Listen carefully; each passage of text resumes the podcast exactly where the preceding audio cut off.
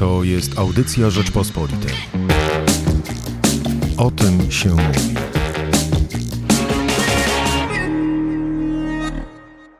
Michał Płociński, zapraszam.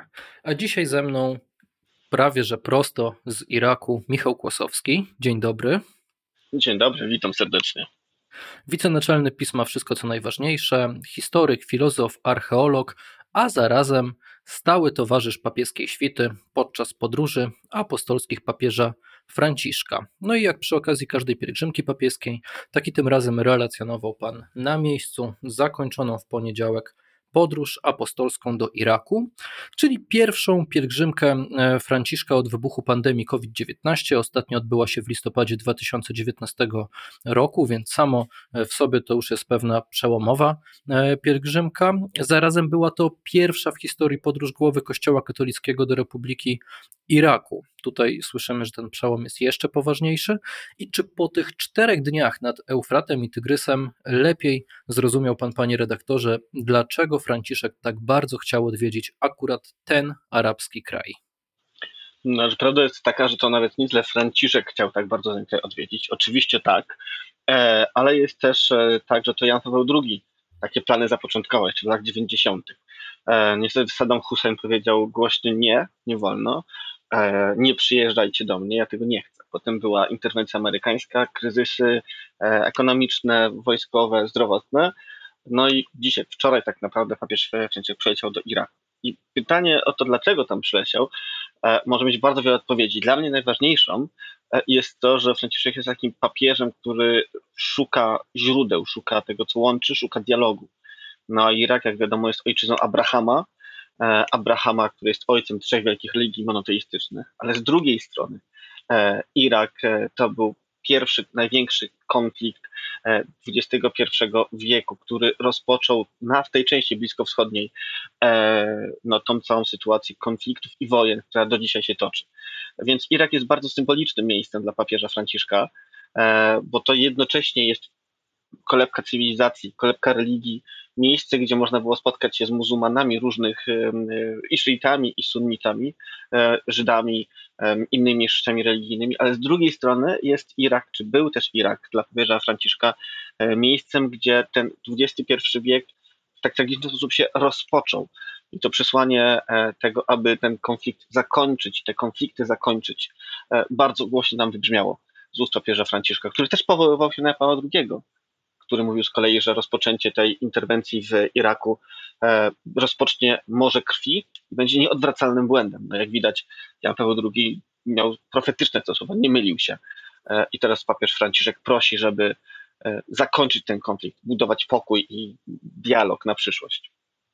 No i czy zobaczyliśmy, jak w praktyce ma wyglądać ta metafora, często przywoływana przez Ojca Świętego, że Kościół ma być szpitalem polowym na polu bitwy? Tak, e, moim zdaniem tak. Tam był taka, taki obraz mi zapadł bardzo silnie w, w pamięć, kiedy na e, mszach świętych w różnych miejscach, w Bagdadzie, w Erbilu, podczas nabożeństw i modlitw katolickich, Ojcze Nasz, modlitw, które my znamy, wstawali i modlili się nie tylko chrześcijanie, bo na tych wydarzeniach było bardzo wielu muzułmanów, byli jezydzi, były inne mniejszości religijne, E, I tymi słowami prostych modlitw, które każdy z nas zna od dzieciństwa, uczymy się ich pacierzy, modlili się wszyscy. E, I to było takie bardzo bezpośrednie zaleczenie ran, które ci ludzie mają, bo te rany są bardzo głębokie, e, tych konfliktów, strat, śmierci, którą widzieli, właśnie poprzez wspólną modlitwę. To jest wydarzenie, które jest bez precedensu absolutnie. I, I, wydaje mi się, że właśnie na tym polega ta papieska metafora szpitala polowego, czyli miejsca, do którego każdy może przyjść na polu bitwy, trwających konfliktów, też metaforycznie, ale bezpośrednio, bo Irak jest miejscem konfliktu regionalnych potęg i potęg globalnych przecież. Może przyjść każdy i znaleźć tam lekarstwo, ukojenie, opatrunek e, ran, które sobie nosi. I wydaje mi się, że to było takie bardzo bezpośrednie pokazanie, że tak faktycznie może być i że taki może być Kościół po prostu. A jak sam Franciszek odbierany był w Iraku? Na przykład poza tymi e, oficjalnymi spotkaniami, pan na pewno rozmawiał z miejscowymi ludźmi, czy, czy oni rzeczywiście przeżywali ten e, przyjazd? Dla nich to było coś e, ważnego dla takiego przeciętnego Irakijczyka? Oczywiście nie możemy tutaj kalek takich z polskich, czy europejskich, czy zachodnich wizyt stosować. To nie była wizyta masowa, absolutnie nie, to, to, to tak nie było. Natomiast wszyscy kierowcy, z którymi jechałem przez różne miasta w Iroku, kierowcy, driverzy, taksówkarze, wiedzieli, kim jest papież Franciszek. To znaczy, im nie trzeba było tłumaczyć, kim Baba Francesco jest, ani jakim on jest ojcem, o co chodzi. Oni wiedzieli, że przyjeżdża Franciszek, papież, głowa Kościoła katolickiego. E, oczywiście mieli różne myśli na ten temat, ale zazwyczaj dominował jeden przekaz. Franciszek? Okej. Okay. E, I kciuk do góry przez tych e, kierowców e, podnoszony, czy przez ludzi w ogóle w różnych miejscach, z którymi rozmawiałem. I też ludzie, na przykład ludzie w Mosulu, to jest takie bardzo mm, specyficzne miejsce, bardzo symboliczne, bardzo ważne w tym wszystkim. Przewodniczący Rady Wspólnot Muzułmańskich bardzo, bardzo tak czule papieża Franciszka witał. Mówił do niego bardzo dobrymi słowami i na zakończenie tego spotkania poprosił o to, żeby chrześcijanie wrócili do Mosulu.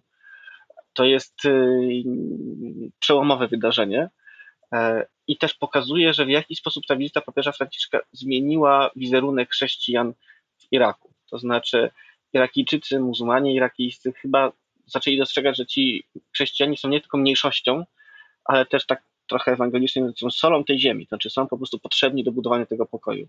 Więc to przyjęcie było bardzo, bardzo dobre było. To znaczy, e, nie było tam milionowych tłumów. To jest kraj muzułmański, ale ci ludzie, z którymi rozmawiałem, E, oni wiedzieli, kim jest Franciszek, to jest pierwsza rzecz. Wiedzieli, że przyjeżdża w pokoju, to jest druga rzecz. I trzecia rzecz, o której mówili, to praktycznie pojawiło się w każdej rozmowie, było to, że on przyjeżdża z nimi rozmawiać.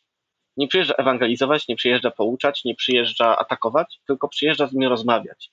Wydaje mi się, że to jest też klucz do takiej popularności papieża Franciszka w, w krajach arabskich w ogóle, E, tak samo było w Maroku, co widziałem na własne oczy, tak samo było w Abu Zabi, tak samo było w Egipcie e, i tak samo było teraz w Iraku.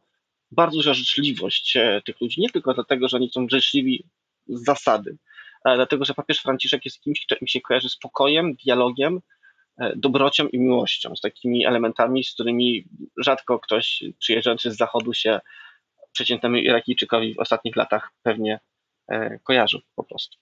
Czyli bardzo dobry wizerunek zdążył sobie e, zbudować papież e, Franciszek w krajach e, arabskich. A jak to się właśnie rzeczywiście przekłada na jakieś rzeczywiste zmiany? Ja, ja wiem, że trudno kilka dni po, po podróży apostolskiej od razu mówić o zmianach, ale jak był Pan na miejscu, czuł Pan, że rzeczywiście może doprowadzić to do jakichś zmian, do zmian postaw, do, do czegokolwiek, e, czego się e, wcześniej nie, nie musieliśmy wcale e, po tej podróży apostolskiej spodziewać, czy może po prostu przyjechał papież Franciszek, porozmawiał, to jest jakiś dopiero początek dialogu?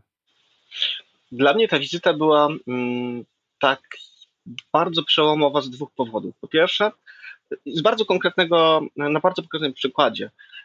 Dzień po spotkaniu z irackim rządem, irackim prezydentem, e, papieża Franciszka właśnie w Bagdadzie, e, został ogłoszony Iracki Dzień Dialogu Międzyreligijnego.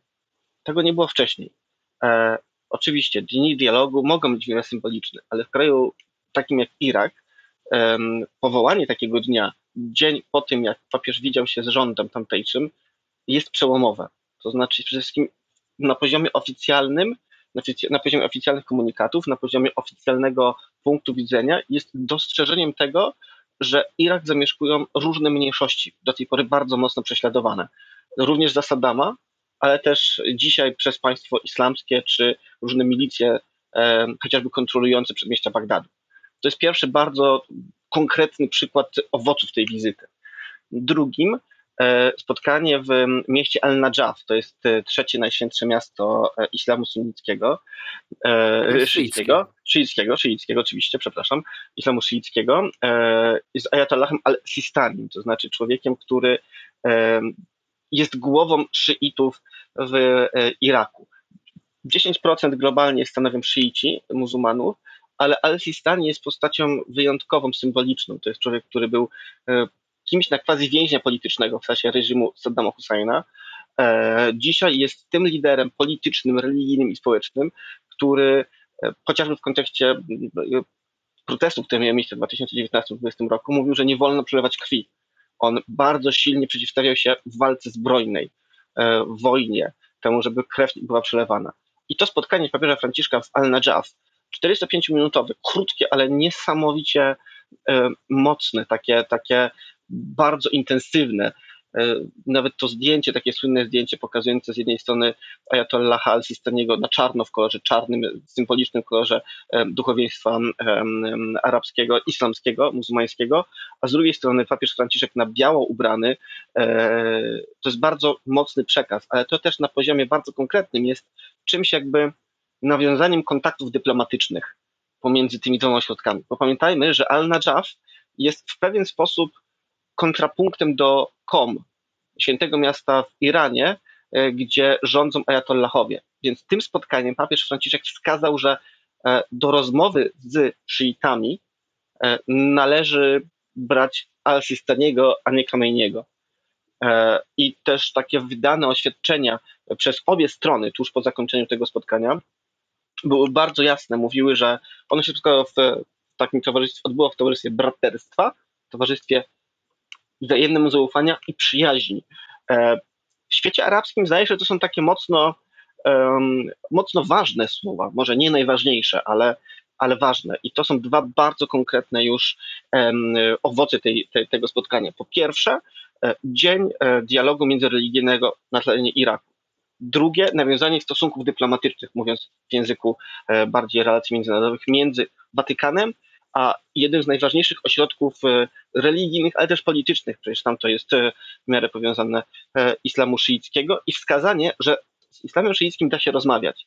Jeżeli nie z Iranem jako Iranem i mm, Ayatollahem al-Khamenei, to z Ayatollahem al-Sistanim. Da się rozmawiać o pokoju, da się budować dialog i nawiązywać te relacje po to, żeby ta przyszłość też na tym regionie, ale, ale nie tylko, miała lepszy obraz, mogła być po prostu lepiej zorganizowana. No, na Zachodzie bardzo dużo się mówi, nie tylko w Polsce, o spotkaniu z wielkim Ayatollahem. A czy to spotkanie z Al-Sistanim jakoś odbiło się echem na, jak to się mówi, irackiej ulicy? Jak był pan tam na miejscu, rozmawiał, słuchał? Ono się odbiło przede wszystkim w Iranie. Ogromnym echem odbiło się w Iranie i to jest coś, co z dziennikarskiego punktu widzenia jest e, niesamowitym sukcesem watykańskiej komunikacji też, przebiciem bańki. E, Teheran Times, czyli dziennik założony w 1979 roku, tuż po rewolucji, opublikował to zdjęcie, o którym rozmawialiśmy. Zdjęcie Ayatollaha i Franciszka siedząc naprzeciwko siebie w bardzo surowym pokoju. E, jedynym tam elementem zdawiającym był perski dywan, e, perski dywan na podłodze. I ono się odbiło przede wszystkim na ulicach Teheranu, mam wrażenie, i w gabinetach w Teheranie. Bo Franciszek pokazał, że można rozmawiać z szyitami, niekoniecznie tymi z kom, e, niekoniecznie w sposób e, taki jak do tej pory, bo to spotkanie było bardzo przyjazne, bardzo przyjacielskie. E, panowie naprawdę bardzo blisko siebie byli i ja z tego, co wiem ze źródeł zbliżonych do stolicy apostolskiej, obu panom na tym spotkaniu bardzo zależało, zarówno papieżowi, jak i Ayatollahowi al-Sistaniemu. Więc ono się odbiło bardzo szerokim echem, ale zwłaszcza na ulicach Teheranu i w gabinetach w Teheranie. W Iraku Dużo większym echem odbiło się spotkanie w Ur i potem wydarzenia niedzielne w Erbilu i Mosulu. E, jednak faktycznie w mediach lokalnych i w świecie lokalnym, również saudyjskim, e, również w mediach saudyjskich, e, ta pielgrzymka była bardzo, bardzo ważnym spotkaniem i była bardzo silnie zauważona. Ur, czyli biblijne miasto Abrahama. Co tam papież powiedział? Przede wszystkim papież e, pokazał, że może modlić się z przedstawicielami wszystkich religii. Powiedział, że religia nigdy nie może być wykorzystywana do konfliktu, że nie można, że narzędzia, że narzędzia nienawiści należy przekuć w narzędzia pokoju. Powiedział też takie zdania, że taką szczepionką na przyszłość musi być braterstwo i dialog międzyreligijny. E, to jest bardzo konkretne nawiązanie do obecnej sytuacji, do tego, że e, pandemia zmieniła naszą rzeczywistość, że szukamy wyjścia z tej sytuacji, ale sama fizyczna szczepionka nie może być rozwiązaniem tej sytuacji i że powrotu do poprzedniej normalności po prostu już nie ma. Nie można, świat po pandemii nie może być znów światem konfliktów, światem walki, ale papież, tak jak w swojej ostatniej encyklice Fratelli Tutti, nawołuje do tego, żeby znaleźć drogę porozumienia, żeby widzieć w każdym człowieku brata, w każdym człowieku siostrę, e, widzieć te relacje bardzo bliskie między religiami między drugim człowiekiem.